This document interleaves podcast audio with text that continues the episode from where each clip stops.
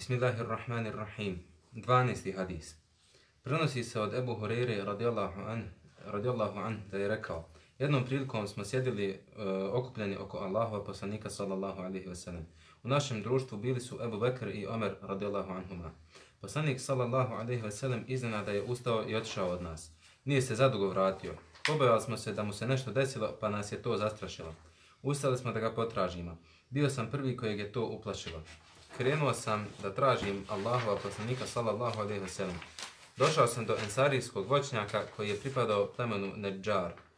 E, kružio sam oko njega, ne bih li našao ulaz, ali ga ne nađo. Iznenada sam vidio potočić kako ulazi kroz ogradu voćnjaka od vanjskog bunara. Skupio sam se koliko sam mogao, kao lisica da bi se provukao i došao sam kod Allahova poslanika. Poslanik sallallahu alejhi ve sellem je tada upitao: "Je li to Ebu Hurere, Rekao sam, jest Allahu poslaniče. Upitao je, šta te muči? Rekao sam, bio si s nama pa si otišao i zadržao se. Pobojali smo se da ti se nešto desilo. To nas je uplašilo. Prvi sam se pobojao. Došao sam i uvukao sam se ovaj voćnjak kao što se lisica uvlači. Ljudi koji su ostali za mene su također uplašeni. Poslanik sallallahu alejhi ve sellem je na to rekao: "Ebu Hurajre" i dao mi je svoje dvije papuče i rekao: Idi sa ove moje dvije papuče, pa koga god izvan voćnjaka sretniš da iskreno vjeruje da nema Boga osim Allaha, obraduj ga džennetom. Prvo sam srao Omera. Kada me je vidio, upitao je šta će ti te dvije papuče Ebu Hureyre. Ove dvije papuče su papuče Allahova poslanika, sallallahu alaihi wa sallam. Poslao me je s njima da koga god sretnim, kao, ko iskreno vjeruje da nema Boga osim Allaha, obradujem džennetom. Ebu Hureyre dalje priča da ga je Omer radijallahu an, nakon što je to čuo, udario u prsa i posadio na stražnicu, a zatim rekao, vrati se Ebu Hureyre. Vratio sam se Allahovom poslaniku, sallallahu alaihi sallam, suzdržavajući se od plača. Omer me je pratio i išao za mnom. Kada me je poslanik, sallallahu alaihi sallam, ugledao, upitao me šta ti se desilo, Ebu Hureyre. Rekao sam, sreo sam Omera, pa sam ga obavijestio o onome s čime si me poslao, pa me je udario u prsa i posadio na stražnicu. Poslanik sallallahu alejhi ve sellem je rekao: "Vrati se Ebu Hurajre." Allahu poslanik sallallahu alejhi ve sellem je nakon toga upitao Omera: "Omere, šta te je navelo na to što si uradio?"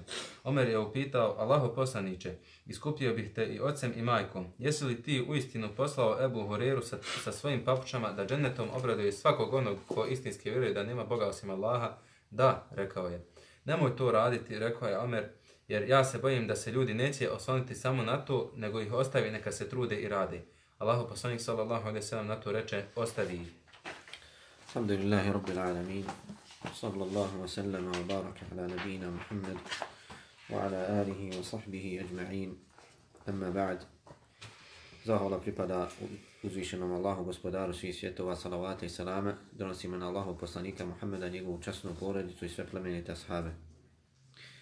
Nastavljamo sa komentarom haditha koje je spomenuo ima muslim u poglavlju o imanu, E, hadith kojeg smo čuli je poznati hadith, hadith Abu Hurere radijallahu anhu, koji prenosi događaj koji se desio ili dijalog ili spor koji se desio između njega i Omara ibn Khattaba radijallahu anhu jednom prilikom.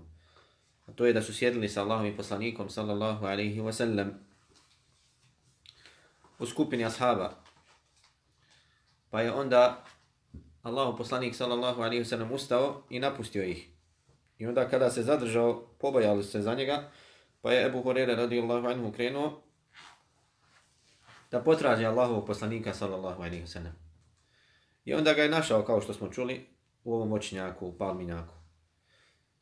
I kada ga je sreo, Allahov poslanik sallallahu alaihi wa sallam dao mu je svoje dvije papuče kao dokaz da mu ljudi povjeruju da je ono što će prenijeti od poslanika sallallahu alaihi wa sallam istina. I onda ga e, obavezao ili naredio mu da koga god sretni od ljudi nakon što se rastane sa poslanikom sallallahu alejhi ve sellem da ih obavijesti da onaj ko umre svjedočeći da nema drugog Boga mimo Allaha subhanahu wa ta'ala iskreno vjerujući to u srcu da ga obraduje džennetu. I onda je Ebu Horeire radijallahu anhu prvo koga je sreo bio je Omer radijallahu anhu. I Omer kada je to čuo, udario je Ebu Horeira radijallahu anhu ovdje u prsa, ne sa ciljem da mu nanese bol, nego da ga zaustavi, da mu kaže stani, nemoj ići dalje. Ali taj udarac je zabolio Ebu Horeira radijallahu anhu. Dakle, Omer radijallahu anhu nije ciljao da ga udari da bi ga zabolilo, nego kao, kao vid opomene. Ali, pošto je Omer radijallahu anhu inače bio snažan i jak, njegov udarac je oborio Ebu Horeiru sa nogu. Tako da je upao i sjeo na stražnicu. I onda je Ebu Hurere radijallahu anhu od jačine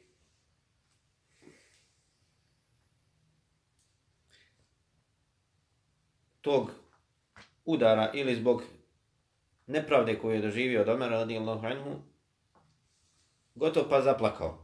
Dakle, suzdržavao je svoj plač. Jer mu je bilo krivo na koji način je postupio Omer radijallahu anhu sa njim.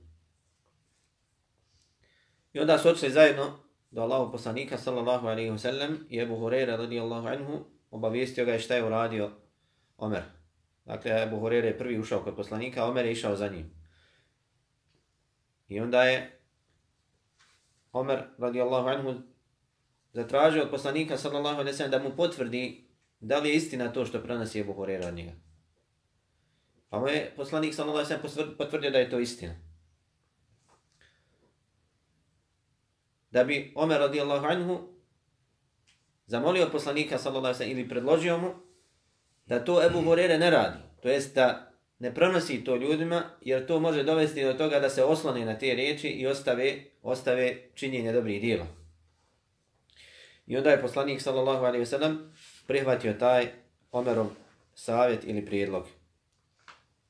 To je ukratko ono što se desilo u ovom hadisu. Ovaj hadis upućuje na mnoge koristi i mudrosti. Od toga je propisanost okupljanja oko učenih ljudi. Vidimo kako se poslanik sallallahu alejhi ve sellem kako se ashabi okupljali oko poslanika sallallahu alejhi ve sellem na samom početku ovog haditha. Kunna qu'udan hawla rasulillahi sallallahu alejhi ve sellem. Kaže sjedili smo okolo Allahovog poslanika sallallahu alejhi ve sellem. Tako da je propisano okupljati se oko učenog čovjeka haule, kaže, ovdje koristi glavno znači haul, što znači da su sjeli u krug, oko njega. Okružili su poslanika, sallallahu alaihi wa sallam. Za razliku od onoga što mnogi rade danas na predavanjima, jedan se nasloni tamo na zid, jedan ode na drugu stranu, jedan ode na kraj prostorije, to je, to je suprotno sunnetu i praksi e, prvih generacija. Vidimo kako se ashabi, od koji su bili neki u starijim godinama, poznim godinama, poput Ebu Bekra, poput Omera, radijallahu anhu. Dakle, nisu to bili omladinci, neki su bili i stariji. I pored toga, sjedili su u, halki, u halci oko poslanika, sallallahu alaihi wa sallam. Također, kaže, kunna qu'udan hawla rasulillahi ma'ana Abu Bakrin wa Umar radijallahu anhu, fi nafr. Kaže, sjedili smo okupljeni oko poslanika, sallallahu alaihi ve sallam, i u našem društvu bili su Abu Bakr i Omar, u drugoj sku, u skupini, u skupini koji su bili prisutni. Dakle, spomenuo je Ebu Hurere radijallahu anhu, Ebu Bekra i Omera. Iako su bili drugi ashabi. Tako kažu neki učenjaci da je propisano, ako čovjek prenosi neki događaj, na kojem se nalazi više ljudi, ako želi da spomene nekoga, da spomene najugledniji i najuticajniji. Dakle, sjedili smo na sjelu, danas smo sjedili, na primjer, u džami, družili smo se i na tom sjelu su bili taj i taj, spomeneš najugledniji. I, i mnogi drugi, kaže. Ili taj, taj i drugi.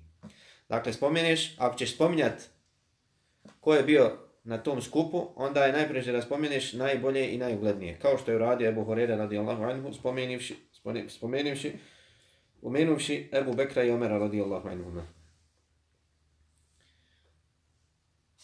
Također ovaj hadith upućuje na brižnost ashaba radijallahu anhum za Allahovim poslanikom sallallahu alaihi wa sallam. Kada je malo se odužio taj period od kako ih je napustio poslanik sallallahu alaihi wa sallam, pobajali su se za njega, pa su krenuli u potrag. Krenuli su u potrag. Što znači, što upućuje na njihovu ljubav i pažnju prema poslaniku sallallahu alaihi wa sallam. Dakle, pobajali se za njega. I tako isto trebaju da se boje i da se brinu sljedbenici poslanika sallallahu alaihi wa sallam o njego, njegovim nasljednicima. Dakle, isto tako trebaju da se brinu, da budu brižljivi i pažljivi i da štite sljedbenici Allahu poslanika sallallahu alaihi wa sallam njegove nasljednike. A njegovi nasljednici su islamski učenjaci. Pod uslovom da su to istinski i pravi islamski učenjaci, a ne oni koji ne rade po znanju ili koriste znanje za svoje lične interese i e, ono što ne vrijedi kod uzvišenog Allaha subhanahu wa ta'ala. Također ovaj hadith upućuje da nema smjetnje da čovjek uđe u tuđu baštu pod uslovom, kao što je Abu Hore radijallahu anhu ovdje ušao, do voćnjaka od jednog ensarije, kaže, kružio sam oko njega, ne bili našao ulaz, ali ga ne nađo. Kaže, iznenada sam vidio potočić kako ulazi kroz ogradu voćnjaka vanjskog bunara. Kaže, onda se Ebu radi Allahu anhu, dakle, provukao kao lisica i ušao je u voćnjak. Što ukazuje na to, pazite, Ebu Horeira radi Allahu anhu nije znao da li je poslanik sallallahu alaihi sellem u tom voćnjaku ili ne, ali ušao da ga traži. Tako kažu da čovjek, ako ima potrebu da uđe u, u tuđi posjed koji i zna da vlasnik tog posjeda neće se naljutiti, neće praviti problem radi njegovog ulaska, onda je dozvoljeno da čovjek uđe u tuđi posjed ako ima neku potrebu, kao da traži nekoga ili želi, na primjer, ostaviti neki emanet vlasniku toga. Dakle, imaš nešto što želiš uručiti nekome i onda uđeš u njegov posjed i ostaviš, iako nisi dobio dozvolu. Pod uslovom da čovjek nije prisutan. Ako je prisutan, onda tražiš dozvolu onda tražiš dozvolu za ulazak.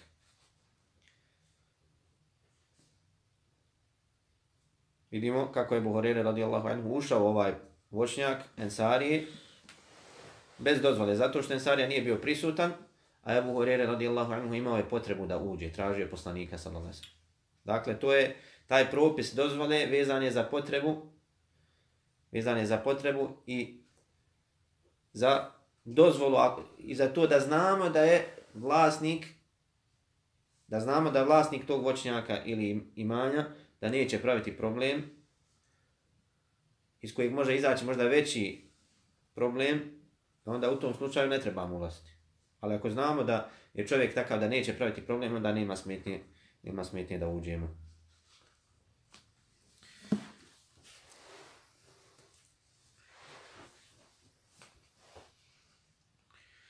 Također, ovaj hadith upućuje na to da je propisano koristiti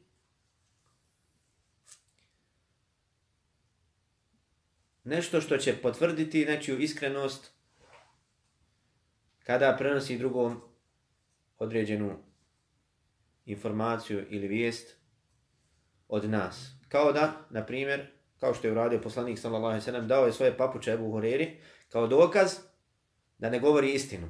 Dakle, su znali kako izgledaju papuče poslanika sallallahu alejhi ve sellem.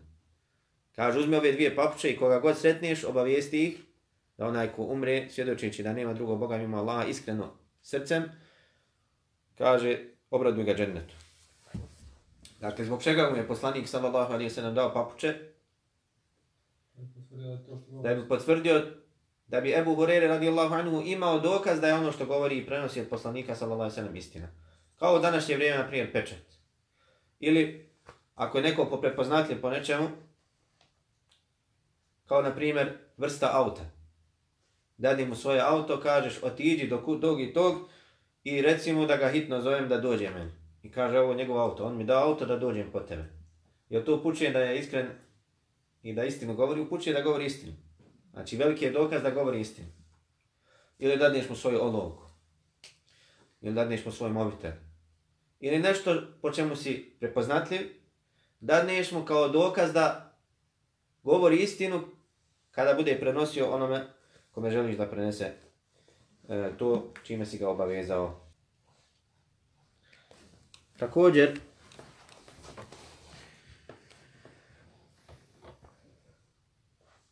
Ova predaja upućuje na vrlinu Omera radijallahu anhu, njegovu istinu ljubivost.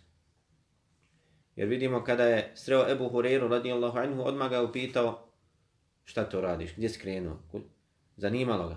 Bio mu je zanimljiv, e, sumnjiv, da tako kažem. Pa ga je odmah upitao Omer radijallahu Za razliku od mnogih ljudi koji su nezainteresovani. Dakle, šta god da se desi oko njega, kakav god događaj, predavanje, vijest, njemu je sve jedno. Ne interesuje ga ništa osim sam sebe. Vidimo da ashabi, radijallahu anhu, nisu bili takvi. Omer radijallahu anhu odmah je upitao Ebu Hureyru, kakve su to papuče, šta će ti papuče, kud si krenuo? Jer su zajedno izašli da traže poslanika, sallallahu sallam. I znao je, Omer radijallahu da je Ebu Hureyre izašao da traži. I onda kada je vidio Ebu Hureyru, ide i radi nešto drugo mimo onoga što oni rade, odmah je Omer radijallahu anhu posumnjao da kod Ebu Hurere radijallahu anhu ima nešto što on ne poznaje. Dakle, da zna nešto što Omer ne zna. Pa ga je onda upitao, kao što smo čuli, i kada ga je Ebu Hurera radijallahu anhu obavijestio onome što mi je rekao poslanik sallallahu alaihi wa sallam, on ga je udario u prsa i oborio s nogu. Dakle, e, Omer radijallahu anhu nije sumnjao u iskrenost Ebu Hurere radijallahu anhu. Daleko od toga. Kao što neki novotari, sljedbenici strasti, žele da zloupotrebe ovaj hadith da dokažu svoju tvrdnju da Ebu Hurere radijallahu anhu nije bio povjerljiv. Dakle, to nije istina. Ebu Hurere radijallahu anhu da nije bio povjerljiv, ne bi mu poslanik sallallahu alaihi sallam povjerio to što mu je povjerio, da obavijesti ljude. Nego je Omer radijallahu anhu bio oprezan. Jedna stvar. Druga stvar, Omer radijallahu anhu, kada je čuo to što je rekao Ebu Horere, on je želio da ga zaustavi. I da mu dadne do znanja da je ozbiljan u tome što kaže ili što mu naređuje da nikoga ne obavijesti o tome. Šta mu je rekao? Vrati se Ebu Horere. Erđa Ebu. Vraćaj se poslaniku salazane. A nije Omer radijallahu anhu imao namjeru da uvrijedi ili ozlijedi Ebu Hurira radijallahu ne. Nego kao je, kako kažemo mi, ono muški ga je malo udario. Međutim, Ebu Hurira radijallahu anhu bio je slabašan, a Omer radijallahu anhu jak. I tako, Omer nije imao osjećaja kada ga je udario, ali ga je udario jako. Dakle, udario ga je toliko da je Ebu Hureyre to zabolo. A Omer radijallahu anhu nije ciljao da ga zaboli, nego je ciljao da ga, da ga zaustavi. Također vidimo kako se Ebu Hurere radijallahu anhu suzdržava od plaća. I to je svojstvo muškaraca. Čovjek ne plaće pred drugima da se suzdrži od plaća. Pa čak i ako ga zavoli.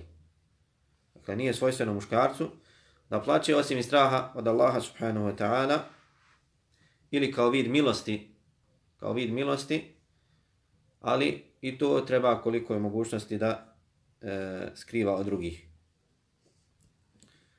I zato u hadithu poznato kad kaže poslanik sallallahu alejhi ve sellem: "Wa rajulan zakara Allah khaliyan fa fadat aynahu." I čovjek koji spomene Allaha subhanahu wa ta'ala u samoći pa mu poteče pa mu poteču ili mu orose e, oči suzama. Dakle, takvima je Allah subhanahu wa ta'ala zabranio džehennem. Ali ovdje šta spomenuo poslanik sallallahu alejhi ve sellem? U samoći spomene Allaha pa ga sjeti sa Allaha u samoći i spomene ga pa zaplači. Dakle, u samoći, ne pred drugima. Zbog čega? Jer ako bude plakao pred drugima, to ga može dovesti u tu situaciju da se pretvara pred drugima. Da upadne u rijalog, da, da poništi svoja djela, da uništi svoja djela. I zato čovjek ako plaće i straha od Allaha subhanahu wa ta'ala treba da plaće kada ga, niko, kada ga niko drugi ne vidi, sem Allaha subhanahu wa ta'ala. Tada je njegov plać onda iskren. Što ne znači da oni koji plaču pred drugima ili zaplaču pred drugima da nisu iskreni. Dakle, Allah najbolje zna da li su iskreni ili ne. Ali mi ovdje govorimo o onome što je bolje. I onome što čovjek treba naumiti i truditi se da radi. To je da ne plaće pred ljudima. Ali ako ga nadjačaju emocije, onda Allah subhanahu wa ta'ala zna što je u njegovom srcu.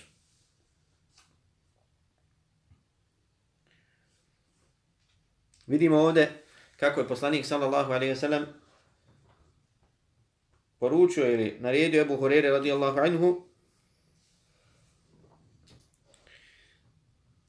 rekavši mu, idi sa ove dvije moje papuče. Pa koga god izvan moćnjaka sretneš da iskreno vjeruje da nema Boga osim Allaha, obradu ga džennetu. I ove riječi upućuju na veliku vrijednost šehadata la ilaha illallah. O čemu smo već prethodno govorili više puta. Da onaj ko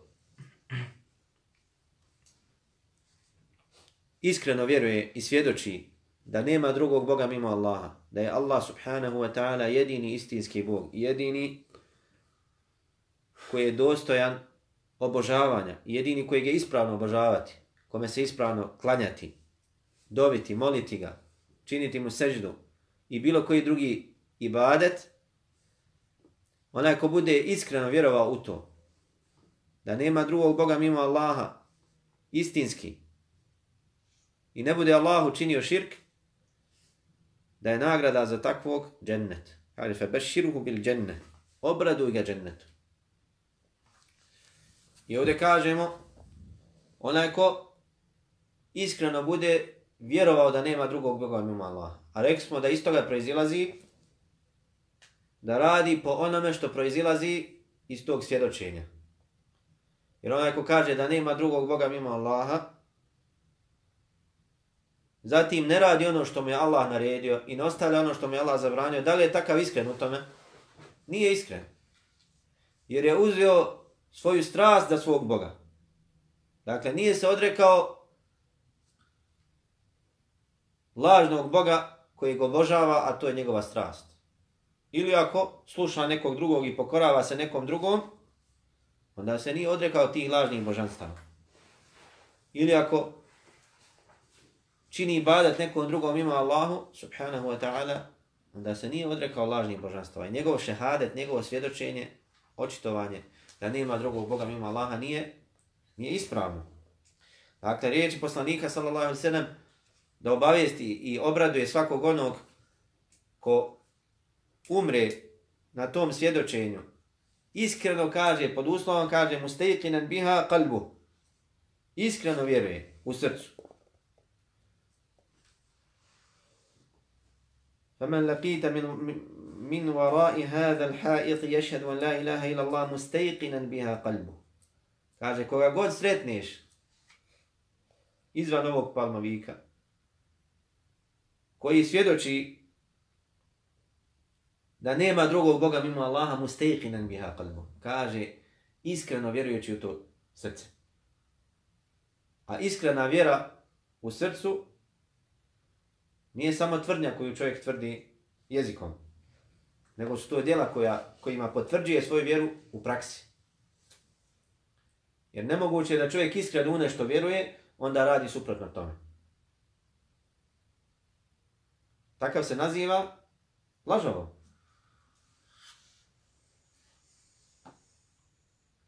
Kada bi ja rekao sada vama, iza ovih vrata nalazi se čovjek koji želi da vas ubije. I zaista se nalazi čovjek koji želi da vas ubije. I kažemo, vjerujem ti, ti si u pravu. Sto posto si u pravu. Mi smo sto posto ubijeđeni da se nalazi čovjek koji želi nas ubijeti. Ali odo smo mi napali. Izađete i pobijevaš čovjek. Da li ste iskreni u svoje tvrdni da vjerujete? Niste iskreni. Ili niste pametni. Nemate razuma. Jer čovjek koji je pametan, razuman i iskreno vjeruje u nešto, neće činiti ono što je suprotno tome. Tako isto je vjerovanje i svjedočenje iskreno da nema drugog Boga mimo Allaha. Ako čovjek zaista vjeruje u to u srcu, nemoguće je da radi nešto što je suprotno tome. Pogotovo ako te ta djela i te stvari koje rade narušavaju njegov iman ili ruše ga iz temelja, poništavaju ga. I zato ovaj dokaz, ili ovaj hadith, nije dokaz murđijama zabludjeloj sekti koji tvrde da je dovoljno vjerovati u srcu i očitovati jezikom. Bez činjenja dijela u praksi. Ovaj hadith oni koriste nekada kao dokaz. Ja vidimo kako je Ebu Hurere radijallahu anhu, kako je poslanik sallallahu alaihi sallam ovdje rekao Ebu Hurere, koga god sretneš, da svjedoči la ilaha illallah iskreno, obraduj ga džennetu. Što znači po njima, ne mora ni klanjati, ne mora ni postiti, ne mora ni hađoba, ne mora ni zekat. Samo nek svjedoči iskreno u srcu da nema drugog Boga mimo Allaha i to je dovoljno. On dokazuje sa ovim hadithom. I drugi, drugim hadithima, neki su od tih haditha predhodili, dokazuju sa tim hadithima da onaj ko kaže la ilaha illallah, da je musliman, da je to je dovoljno da uđe u džennet. I prethodni svi dersovi bili su odgovor onima koji tako tvrde. Spomenuli smo niz odgovora na njihove zablude. I rekli smo da svjedočenje, i opet ponavljam, svjedočenje la ilaha illallah nije puko izgovaranje tih riječi jezikom, uz vjerovanje u srcu, nego to mora da se potvrdi i dijelima u praksi. Bez kojih je neispravno to svjedočenje. Kažemo, čovjek kaže la ilaha illallah, vjerujem da nema drugog Boga mimo Allaha. Pa dobro, Allah ti je naredio da klanjaš. Neću. Allah ti naredio da postiš. Neću. Mrsko. Allah naredio tako i tako, da ostaviš alkohol, da ostaviš blud, zina. Ma jest, ali neću. Da li on zaista vjeruje da je Allah njegov gospodar? I da će ga Allah sutra kazniti za to? Čovjek može upasti u grijeh iz svojih strasti. Nadječe ga njegove strasti. Iz svog neznanja iz nedovoljno jakog ubjeđenja, ali da se ne pokorava Allah subhanahu wa ta'ala i zna, zna da, da će ga Allah kazniti ili ako uradi to i to djelo, da izlazi iz Islama i pored toga ustrajava u tome, to je dokaz da ne vjeruje iskreno u srcu. Jer da vjeruje iskreno u srcu, iskrena vjera u srcu,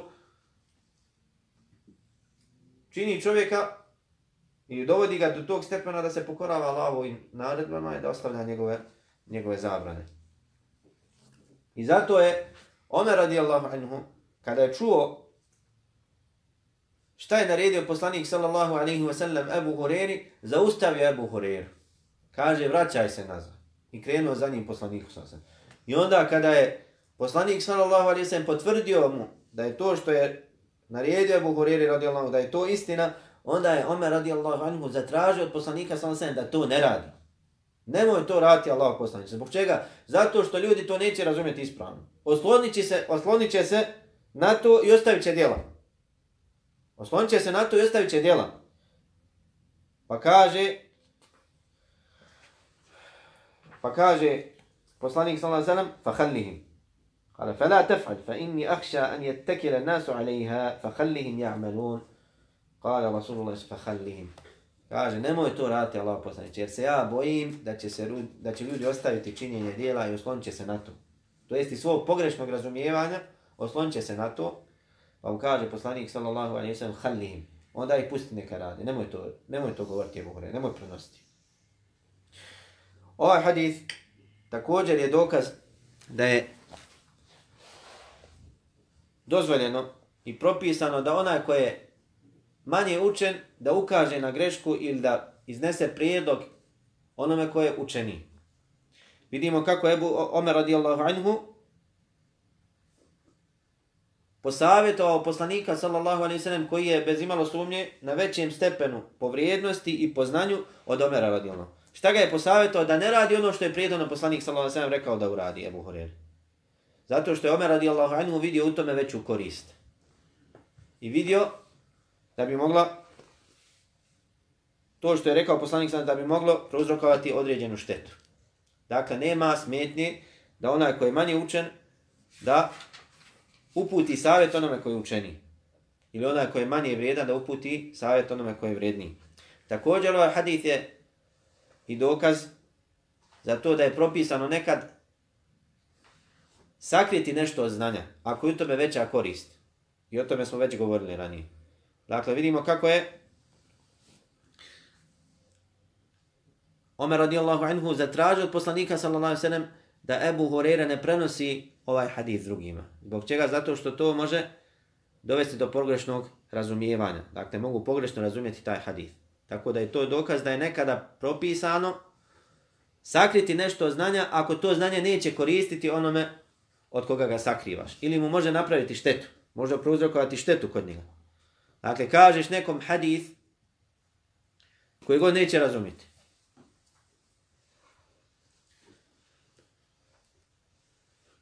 Da kažeš mu hadis koji on neće razumjeti. Ili pogrešno će ga razumjeti. Ili može ga dovesti do toga da ostavi možda vjeru u potpunosti. Nije spreman trenutno u tom stanju za takav hadis, onda ga nemoj. Nemoj mu prenositi taj hadis, nemoj ga obještavati o tome.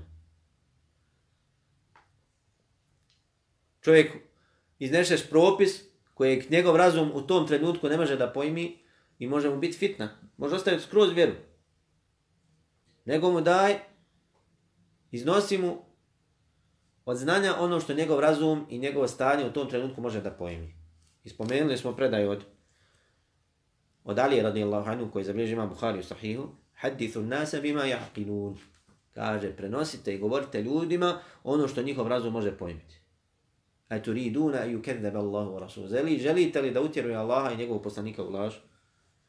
To jest nekada nekog obavijestiš o hadithu i čovjek se možda ismijava sa tim hadithom. Ti njemu spomeneš hadis, on se nasmije na to. Otkud ti to? Gdje si to našo? Ko je to izvalio? Ko je... Kufar učini. Bolje da mu nisi rekao. Bolje da ga nisi obavijestio o tome. Ili na povjeriš, ako je to hadis, ja ne vjerujem u Ne vjerujem u to. Ne vjerujem ja da je to hadis. Hadis. Ili aje čovjek koji zna, ne vjerujem da... Gdje to piše u Koranu? I onda počinje čovjek kufr, a ti si sebe, sebe toga. Ti si uzrokovao to. Zato pazi, kada prenosiš drugima ili kada podučaješ druge, pazi da ih podučiš prioritetima. Dakle, koristi prioritete, poduči im onome što im je trenutno najkorisnije, što čemu su potrebni. Nemoj ih obaveštavati onome što njihov razum trenutno ne može da pojmi. Nemoj im iznositi od propisa ono što trenutno nisu stan da promijene. Postepeno ih uvodi u iman, u islam. Što ne znači da ćeš ti negirati to. Da ćeš ti njemu halalit, da čini ono što čini od grijeha. Ali trenutno sad, gledaj, ako je čovjek na početku, gledaj da ga popraviš ondje da je najbitnije, da je najopasnije. A onda postepeno, znači, upozoravaj ga, ukazujemo na njegove greške druge koje su manje od najveće greške.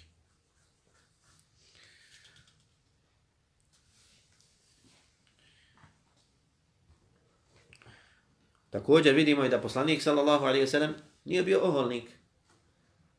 Dakle, nije se uzoholio ovdje nad Omerom radi Allahu anhu, šta ti meni govoriš, ko si ti da ti mene savjetuješ, gdje ćeš ti vratiti, Ebu Hureyre, ja mu rekao da ide. Ne, kada je uvidio poslanik sallallahu alejhi ve sellem da su riječi Omera istina, poslanik sallallahu alejhi ve sellem prihvatio njegov savjet. Bez ikakvih problema, bez ikakvih komplikacija. Vratio se i rekao, dobro, poslušat ću tebe Omere, ostavi ih, neka radi. Dakle, to upućuje na poniznost i skromnost poslanika, sallallahu alaihi sallam, da nije bio oholnik i lažov, nego je bio poslanik ponizni i skromni, poslanik milosti i istine.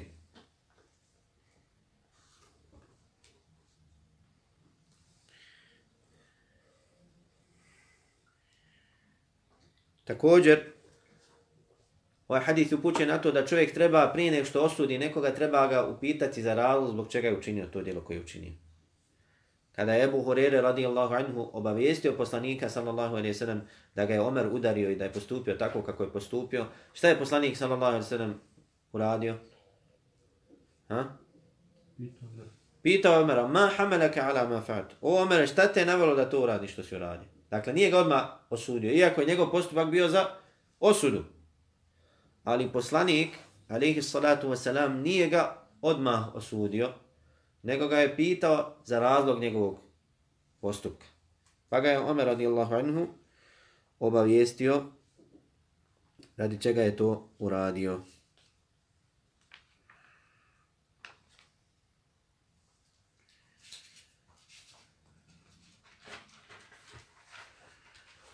Čitaj sljedeći hadis.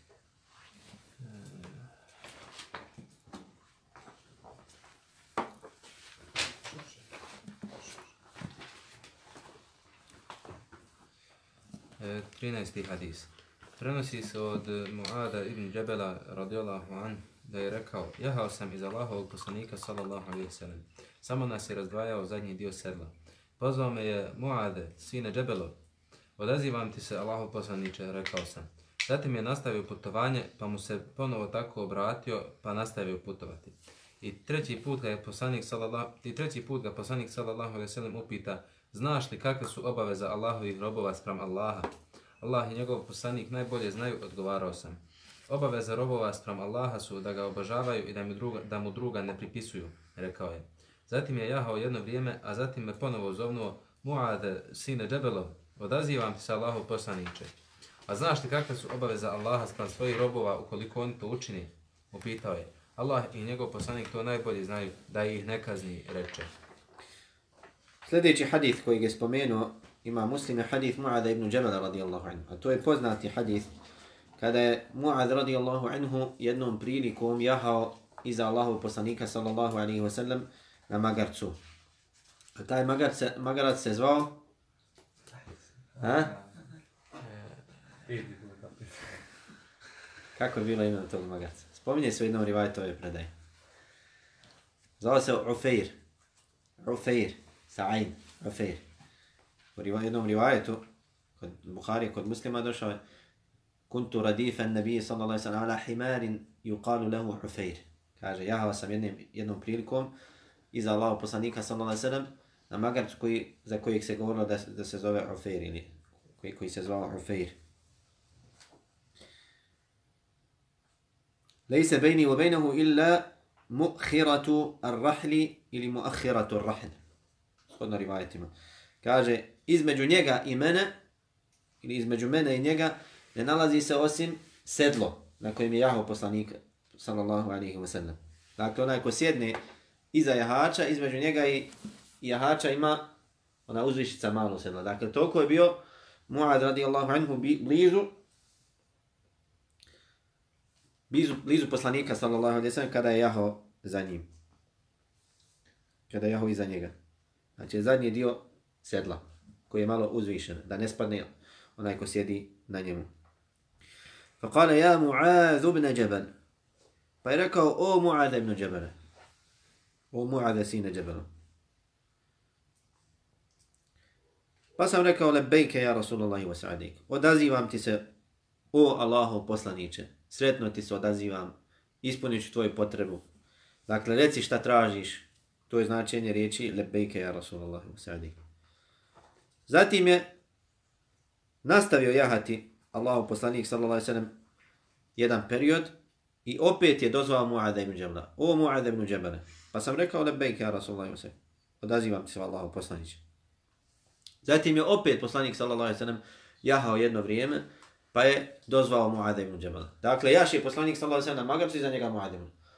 I doziva ga poslanik sa alejhi iza njega. O Muade, kaže odazivam se, reci šta je pa Allaho poslanici. I onda šuti poslanik sa jašem. Pa ga opet, o Mu'ade, reci Allaho poslaniče, odazivam se, reci šta treba. I onda šuti poslanik sa lasem. I opet jaš. I onda treći put isto tako. Zbog čega da privuče pažnju Mu'ada radi Allah. Da ono što će mu reći da je bitno. Dakle, zamislite čovjek ti kaže da ti kažem nešto. Kaže reci i onda ti šutiš. Jedno, pa, e, slušaj, da ti kažem nešto. I onda opet ušutiš. Pa reci mi više da vidi. Jel postoji razlika između toga i kada ti čovjek kada ti kaže nešto i odmah ti kaže. Onda ne pridaješ tome pažnju. Za razliku od ovog prvog slučaja ili prve situacije, kada te više puta obavijesti ili zatraži od tebe da te obavijesti, onda će da ga slušaš i onda odgodi. Pa te opet zovne pa odgodi. I onda ti obraćaš pažnju na ono što će ti reći. Privuče ti pažnju i ostavite u neizvjesnosti. Dakle, osjećaš jedan vid želje za onim što će ti reći. Maš potrebu da čuješ to, jer te ostavi u neizvjesnosti. E tako je poslanik sallallahu alaihi wa sallam postupio ovdje sa Mu'adom radijallahu. Da bi privukao njegovu pažu, ne bi li on to zapamtio dobro što će, što će mu biti rečeno. Zatim mu je rekao poslanik sallallahu alaihi wa sallam, upitao ga, hel tedri man haqqu Allahi ala l'ibad? Znaš li Muaze koje je pravo Allahu kod ljudi? Pa sam rekao, Allah i njegov poslanik najbolje znaju.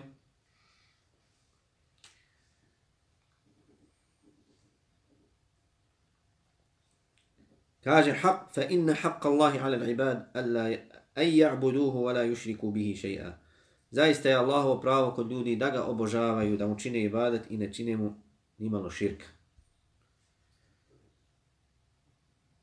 Zatim je poslanik sallallahu alejhi ve sellem opet jahao jedno vrijeme na magarcu, pa je dozvao četvrti put Muada. Ovo Muada ibn Jabal. Pa je Muad radijallahu anhu odgovorio na isti način, lebejke ja Rasulallah wa sa'adejke. Kaže, hel tedri ma haqqul ibadi ala Allahi idha fa'alu dhalik. Znaš li koje je pravo ljudi kod Allaha ako to budu radili, ako, ako ispune svoju obavezu prema, prema Allahu? Pa je rekao Muad, Allah i njegov poslanik najbolje znaju, kaže, njegovo pravo je, njihovo pravo kod Allaha je da ih ne kažnjava. Da ih ne kažnjava. Ovaj veličanstveni hadis, korisni hadis, uh, upućuje na mnoge mudrosti i koristi. Na prvom mjestu, skromnost i poniz, poniznost Allahov poslanika, sallallahu alaihi wa sallam, koji je jahao na magarcu, nije se ustručavao da jaše na najgorim jahalicama, jer je magarac tada bio najgora jahalica. Dakle, mogao je da jaše na konjima, mogao je da jaše na devama, koji su udobnije i brže i sigurnije, ali je poslanik sallallahu alejhi ve sellem nije odbio to da jaše nekada i na magarcu. Zbog čega? Zato što nije bio odan dunjalku. Nije se oholio. Nije mu dunjalku ušao u srce. Nego je bio skroman i ponizan Allahu subhanahu wa ta'ala rob iskreni koji je znao da je dunjaluk prolazna kuća. Da brzo prolazi. Poput putnika koji odsjedne da se odmori pod hladom nekog drveta i onda kada se odmori nastavi svoje putovanje. Tako je poslanik sallallahu alejhi ve sellem bio najbolji primjer toga. Dakle, nije vezivao svoje, svoje srce za dunjalog, nego ako mu dođe nešto dunjalka koristio je, ako nema, nije patio zbog toga. Niti mu je to predstavljalo poteškoću. Dakle, poslanik sallallahu alejhi ve sellem vidimo kako je jahao na, magar, na magarcu, što pučuje na njegovu skromnost i poniznost. Također, i činjenica da je iza njega jahao Mu'ad ibn Džebel da je dozvolio i dopustio ili zatražio od Muada ibn Džebela da jaše zajedno sa njim na, na jahalici i to upućuje i ukazuje na njegovu poniznost i skromnost. Za razliku od oholnika koji ne dozvoljavaju da, iko jaš, da se iko vozi u njihovim vozim, vozilima osim njih. Dakle, ugledne osobe, predsjednici država, vladari, kraljevi, da li oni dopuštaju da drugi obični narod zajedno sa njima se kreće u prevoznim sredstvima. Ne dozvoljavaju. Čak i onda kada se ne boje za svoju sigurnost. Dakle, ne možemo vidjeti taj primjer da neko od takozvanih velikana i uglednika da pusti nekoga od običnih ljudi da zajedno sa njima ide na prijevoznom sredstvu. Da zajedno sa njima se vozi u auto, na primjer. Razliku od poslanika, sallallahu alaihi sallam, koji nije bio takav. Vidimo kako je za njega jahao Muad, koji je bio jedan obični ashaba. Dakle, nije bio ni od uglednih ashaba, od Kurešija, od, od, od oni koji su bili poznati po, po rijeku, po bogatstvu. Ne, Muad ibn Džebel, siroma. Jedan od skromnijih i siromašnijih ashaba. Radi Allahu anhu. A poslanik, sallallahu alaihi sallam, Allahu poslanik. Vladar u državi. I ne samo vladar, nego poslanik od Allaha. Najodabraniji Allahu rob. To mu nije predstavljalo problem. Dakle, to upućuje na njegovu skromnost i poniznost. Zatim, ovaj hadith upućuje na metodu u prenošenju znanja koji je koristio poslanik sallallahu alejhi ve a to je postavljanje pitanja da bi privukao pažnju. Vidimo kako je dozvao Muada ibn Džebel. O Muada ibn Džebel. I to mnogi učenjaci rade na svojim predavanjima. Po imenice dozovu, dozivaju svoje učenike, što prvo ukazuje na njegovu pažnju prema njima, da im zna imena i da pazi na njih, a na drugom mjestu obraduje, pogotovo ako su veći skupovi, obraduje one koji budu dozvati pred drugima, ukaže im na poštovanje, znači ukaže na njihov stepen kod tog učenjaka, a zatim privuče njihovu pažnju da obrate, dakle, obrate pažnju na ono što će im biti postavljeno ili ono o čemu će biti obavješteni. Zatim kaže poslanik sam sam, hel tedri ma haqqu Allahi ala ibad. Znaš li, o Muade, koje je pravo Allaha kod ljudi?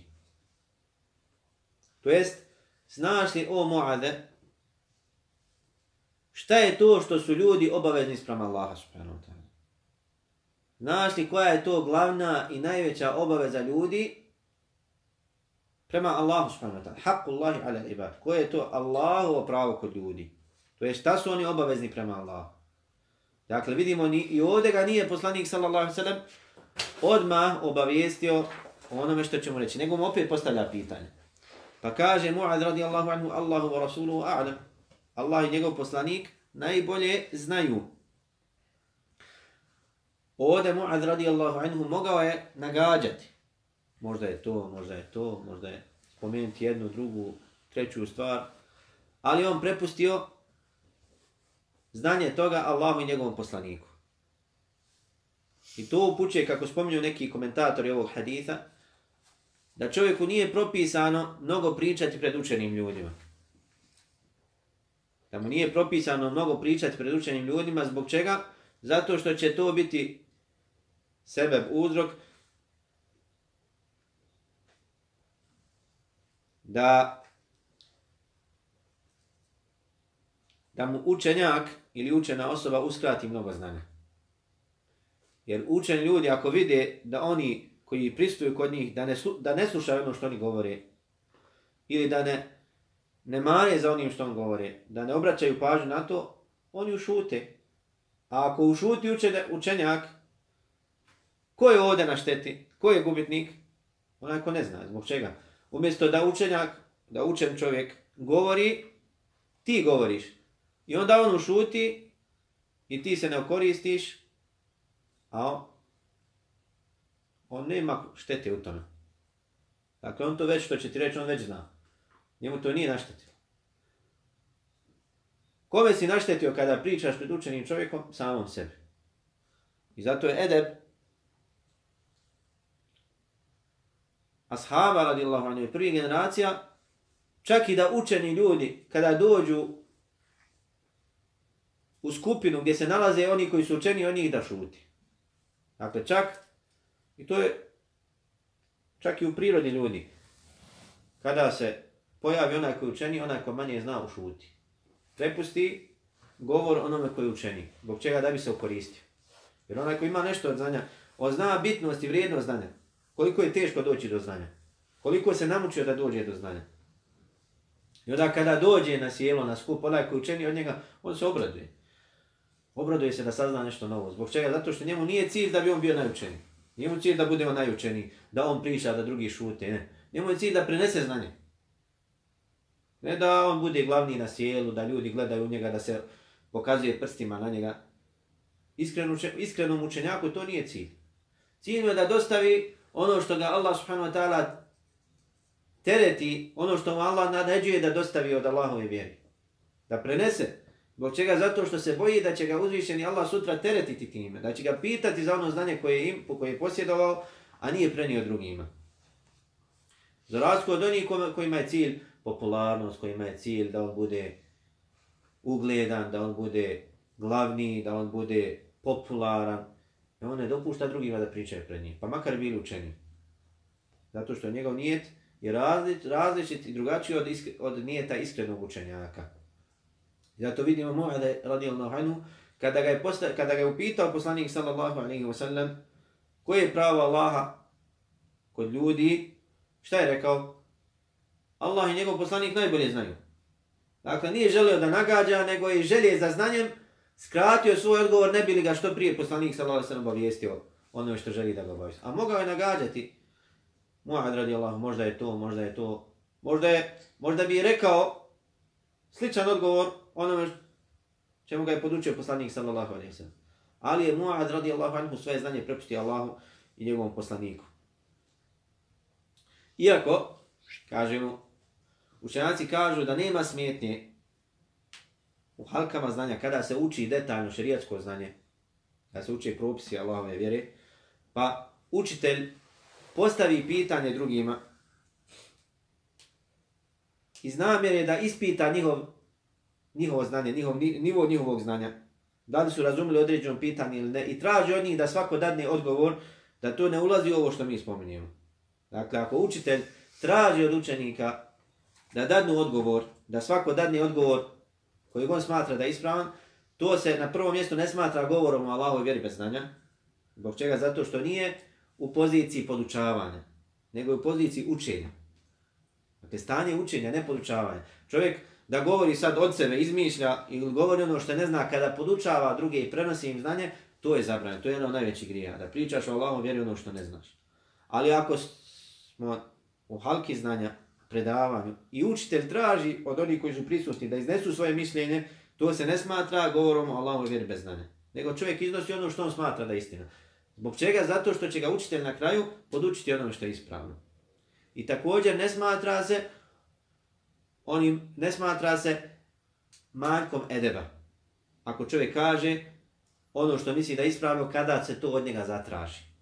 Kada se to od njega zatraži. Ali ako čovjek ne zna ako čovjek ne zna i bude upitan o znanju, bude upitan o nečemu, a ne zna odgovor na to, onda treba da kaže Allah njegov poslanik najbolje znaju ili Allah najbolje zna. Jer mnogi učenjaci kažu nakon smrti poslanika sallallahu alejhi ve sellem treba reći samo Allah najbolje zna. Dakle, kada budeš upitan o onome što ne znaš od šerijatskih propisa u stanju podučavanja, trebaš da kažeš Allah, Allah najbolje zna. Ako je stanje učenja, to jest učitelj traži od tebe da izneseš svoje mišljenje, onda nema smetnje da izneseš svoje mišljenje. Ali ako dođe čovjek na ulici, zaustavite i pitate kakav je propis toga i toga, a ti ne znaš odgovor na to, onda ćeš da kažeš Allah najbolje zna. Allah najbolje zna. Osim ako znaš odgovor, onda ga podučiš.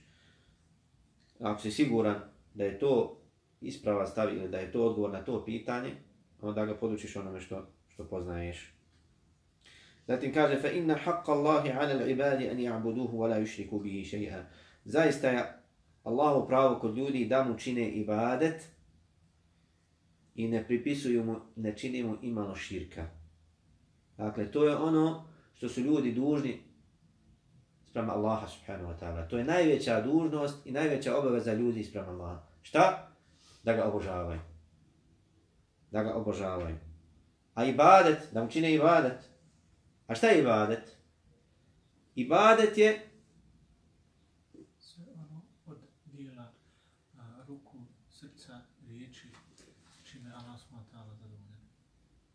Šta je ibadet? Pa ja sam mislio ovaj. Ponovi. Sve ono od dijela uh, ruku, znači udova i srca, uh, skrivenih i ana, javnih. javnih sa kojima je uzvišen Allah zadovoljan. Šta je ibadet? Ovo isto samo ono što je poslanik, jel, od Allaha da ostaje da ibadet. Pa dobro, kad kaže Allah tim zadovoljan, to se podrazumije. Ima šta dodati? Pa ne mi šta dodati, to je to. Ha? Ja mogu to. Dodavati Učenjaci su spomenuli mnogo definicija ibadeta, ali najbolja i najobuhvatnija definicija ibadeta je definicija koju je e, dao šehol Islam ibn Taymiyyah, rahimahullah. To je kaže, al-ibadetu ismun jami'un li kulli ma yuhibbuhu Allahu wa yardahu min aqwali wal amali al-zahira wal batina kaže ibadet je sveobuhvatni termin. Za sve ono što Allah voli i čime je zadovoljan. Od riječi i dijela javnih i tajnih. I onda šehhul Islam, rahimahullah, navodi primjere toga. Poput namaza, poput posta, poput zekata, poput hađa, poput dobročinstva roditeljima, poput sadake, poput dobročinstva komšijama, poput suđenja po Allahu i tako dalje. Znači sve je to ibadet. Sveobuhvatni termin, naziv za sve ono što Allah voli čime je zadovoljan od riječi i dijela javnih i tajnih. Da li se novotarija naziva ibadetom? Ne. Zbog čega? Zato što Allah time nije zadovoljan.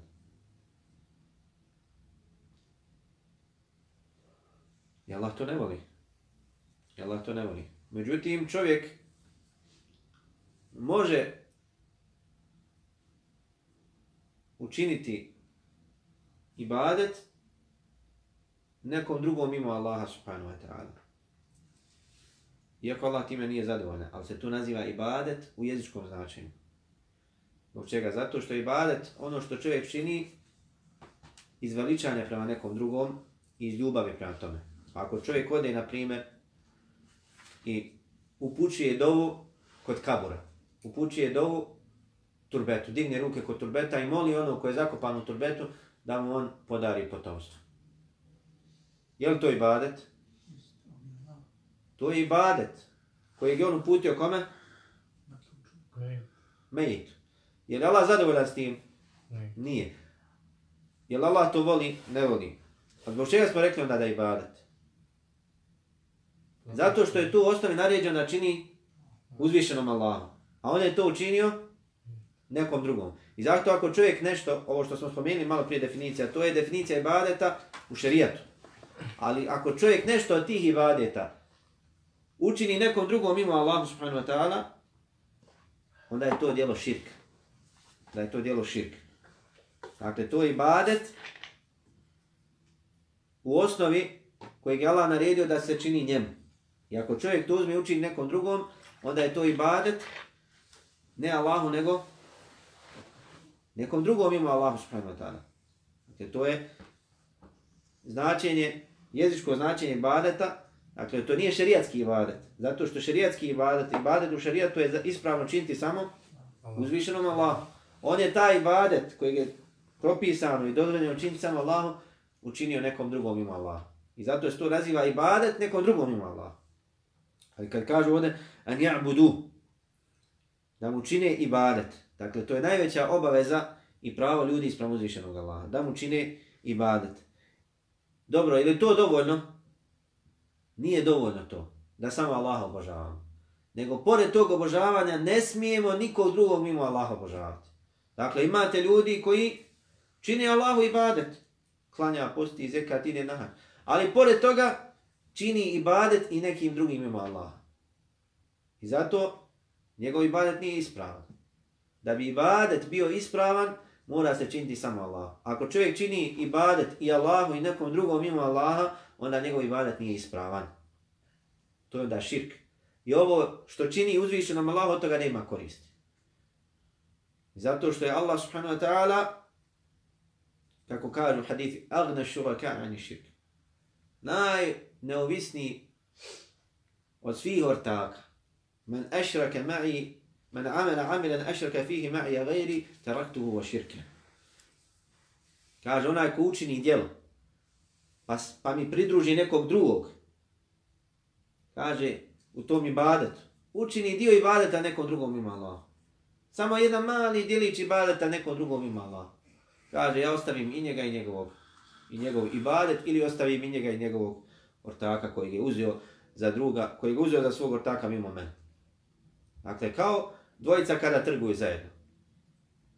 Nas dvojica uđemo u trgovinu zajedno. I zajedno trgujemo. To je veza između Allaha i njegovog roba.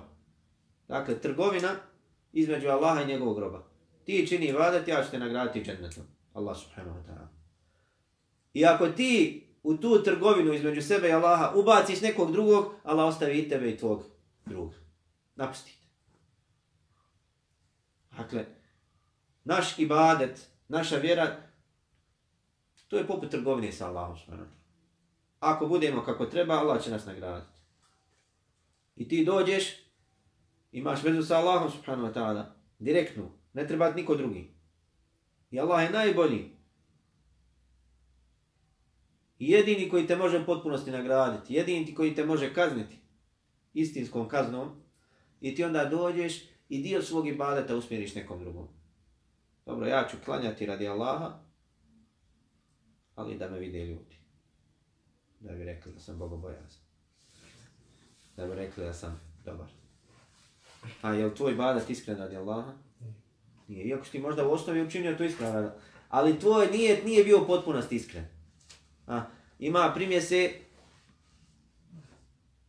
činjenja tog ibadata radi nekog drugog ima Allaha. I onda to kvari ibadet. Allah ostavi tebe tvoj ibadet. Ne prihvata ga. Nego moraš iskreno radi Allaha da činiš ibadet. Ne smiješ da uljepšavaš svoj ibadet zato što te neko drugi gleda. E, otiću ja na sabah da ne bi rekla da ne dolazim na sabah. Bolje ti je klanjaj kod kući. Jer je to manji grijeh nego da odeš na, na, u džamiju Zato što se bojiš da će neko drugi reći za tebe da nisi bio na sabah. Ili bilo koji drugi namaz. I ako ti je naređeno da ideš na namaz, da se boriš sa svojim nijetom. Ali to su opasne stvari kojima čovjek treba da se boji. Jer ovdje kaže poslanik sallallahu alaihi sallam "Wala yushriku bihi shay'a." I ne činimo nimalo širka. Ovdje spominje čestica šeji'an. Što u arapskom jeziku označava nešto. Bilo malo, najmanje ili najveće. Za najmanju česticu koja se može spomenuti, nešto najmanje, najmizernije, bogda, trn, zrno, zahra, što kažu, zarra. Nešto najmanje što možeš zamisliti. Zato se u arapskom jeziku kaže še'an. Kao što se kaže i za nešto najveće. To je sve nešto. Čak i kod nas je nešto. Nešto se odnosi i za, i za malo i za veliko. Sve što postoji je nešto. Kaže, felem jušriku, vola jušriku bihi šeja. I ne čine mu ni malo širka. Ni velikog, ni malog. Ni velikog, ni malog. Onaj ko se zakone nečim drugim mimo Allaha, zakone se majkom, zakone se ocem, zakone se državom, zakone se čavom, zakon... Takav je upao u širk. Čovjek nosa hamajliju za se. Upao u širk. Čovjek kaže da nije bilo Allaha i tebe, upadne u širk. Zato što je poistovjetio nekog Allahu stvorenje sa Allahom. I slično tome. Mali širk. Čovjek ustane da klanja namaz, zanijeti iskreno radi Allaha, stane u džami, prvi saf. I na tešehu da kaže, vidi da ga neko gleda i on lepša namaz. poluširk, širk, jel, mali širk. Njegov ibadet osnov je da nije tu radi Allaha, nije došao radi drugi. Ali začas ga šetan prevari i upadne u širk. Da li od onih koji su ispunili svoje pravo prema Allahu u potpunosti? Nije. Zato kaže, an ja'buduhu wa la yushriku bihi shay'a. A da ne govorimo o stanju u srcu, dijela srca, onoga što čovjek u svom srcu, u svojim prsima krije, to samo Allah zna. Kakvo je naše stanje i stanje ostalih muslimana. Dakle, ljudi uzmu ovaj hadith, pa kaže, lahko zarad džennet. Allah nije. Jer ti nisi razumio ispravno hadith. Ali, radi iskrenosti ashaba i njihove jačine njihove, njihovog imana, Muad radi Allahu anhu i radi svog lijepog mišljenja prema drugima, kada je čuo to što je rekao poslanik sallallahu alaihi sallam, poželio da obraduje druge muslimane. Ali njihovo stanje nije poput našeg stanja. Dakle, pravo Allahovo kod prema ljudi, kod ljudi, to jest obaveza ljudi prema Allahu jeste da mu čine ibadet, saznam smo što znači ibadet, i da mu ne čine širk, ni malo širk.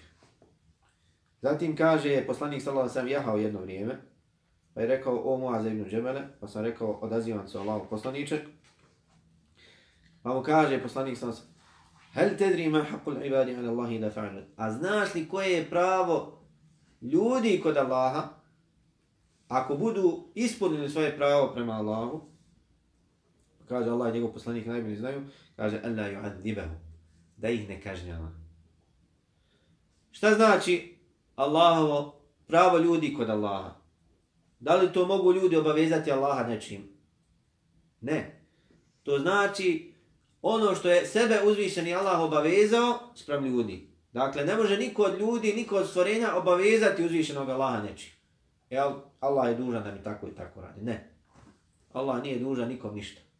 Ali Allah sebe iz potpune milosti, pravde i znanja obaveže sebe da će učiniti to i to. Tako je sebe ovdje uzvišeni Allah obavezao da onog ko dođe pred njega čineći mu ibadet i ne čineći mu nimalo širka da ga uzvišeni Allah neće kazniti u džahennem. Neće ga uvesti nikako u džahennem. Neće osjetiti džahennemski kazni. Dakle, to je stanje onih koji su upotpunili svoj iman. Oni koji su ostvarili teuhid u potpunosti. Uzvišeni Allah i neće kažnjavati na hirat. To su oni koji će ući u džahennem, u džennet bez polaganja računa i bez ispitivanja. Bez obračuna i bez kazni. Uče direktno u džennet. Molim Allah da nas učini od njih. Dakle, oni koji su ispunili svoje pravo prema uzvišenom Allahu u potpunosti. I on kaže, en ja'budu, da mu čine ibadet, a to za sobom podrazumijeva šta? Da izvršavaju Allahove naredbe. Vola yushriku bihi še'a i da ne čine nimalo Allahu širka, ni velikog, ni malog.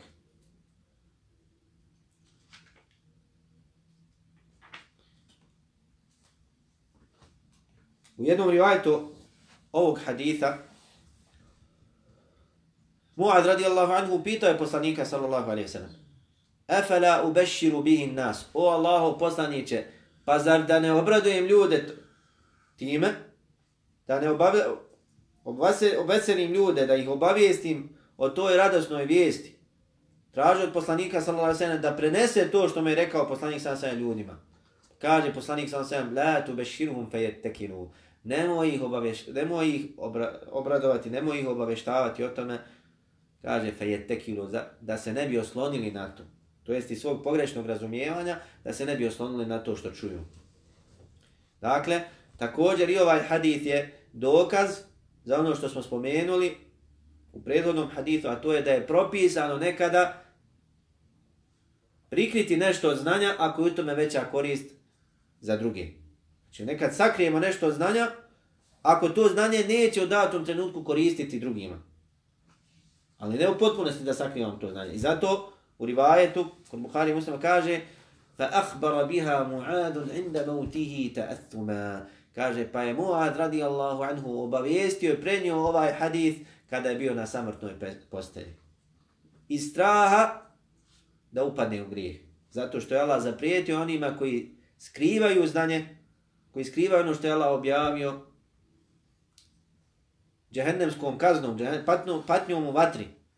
Pa je Muad radijallahu anhu taj ovaj hadis sve do, do smrti. Kada je bio na samrtnoj posteli, onda je prenio ljudima ovaj hadis. Zbog čega? Da ne bi nešto od haditha, od sunneta poslanika sallallahu alaihi wasallam ostalo nezapisano i ne preneseno umetu. Dakle, obavijestio je na samrti i straha da upadne u grijeh, da ne bude od onih koji, koji taje od. A čitav taj period kako je obavijestio poslanik sallallahu alejhi ve sellem o tome pa sve do smrti Muaz radijallahu anhu jedini je znao za ovaj hadis. I onda je na smrti obavijestio i onda se taj hadis raširio e, među muslimanima i ne postoji strah ne postoji opasnost koja je postojala u to prvo vrijeme dok se još uvijek e, nije znanje raširilo među ljudima. Zbog čega? Zato što su sada hadithi spojeni, sastavljeni na jedno mjesto I znamo da značenje tog haditha nije da čovjek ostavi činjenje dijela. Zbog čega? Zato što imamo i druge hadithe koje kada spojimo sve hadithe na jednu temu, znamo na šta se koji hadith odnosi. A ne da, kao što rade sljedbenici strasti u vjeri, uzmu samo jedan hadith, a zanemare stotine drugih haditha koji govore na istu tu temu. Sljedbenici pravog puta, oni objedinuju sve hadithe. Oni slijede sve dokaze. A ako su ti dokazi prividno kontradiktorni, onda ih oni pomiruju. Pokušavaju da spoje između njih, a ne da ostavljaju jedan dokaz. Pa kažu ili jedan hadith je, ako imaju dokaz za to derogiran, drugi je derogirajući, ili je jedan hadith općenit, a drugi je poseban, ili ovo se odnosi za jedno vrijeme, ovo se odnosi za drugo vrijeme, ili značenje ovog haditha je jedno, a značenje drugog haditha je drugo. Dakle, prividnu kontradiktornost oni pokušavaju da pomire za razliku od sljedbenika strasti u vjeri, koji uzimaju jedan dio dokaza, a zapostavljaju drugi dio dokaza. I slijedeći u tome one koji su zanutali u prijašnjim narodima. Efe tu minuna bi ba'd ili ketabi wa tekfuruna bi ba'd. Zar ćete vjerovati u jedan dio knjige, a ostavljati vjerovanje u drugi dio knjige? Zato sljedbenici strasti, oni slijede zablude prijašnjih naroda. Nema ni jedna zabluda da nije bila prije toga. Sve zablude vuku svoj korijen od ranije. Ako sljedbenici pravog puta, oni objedinjuju sve dokaze o jednoj temi i rade po svim, po svim argumentima.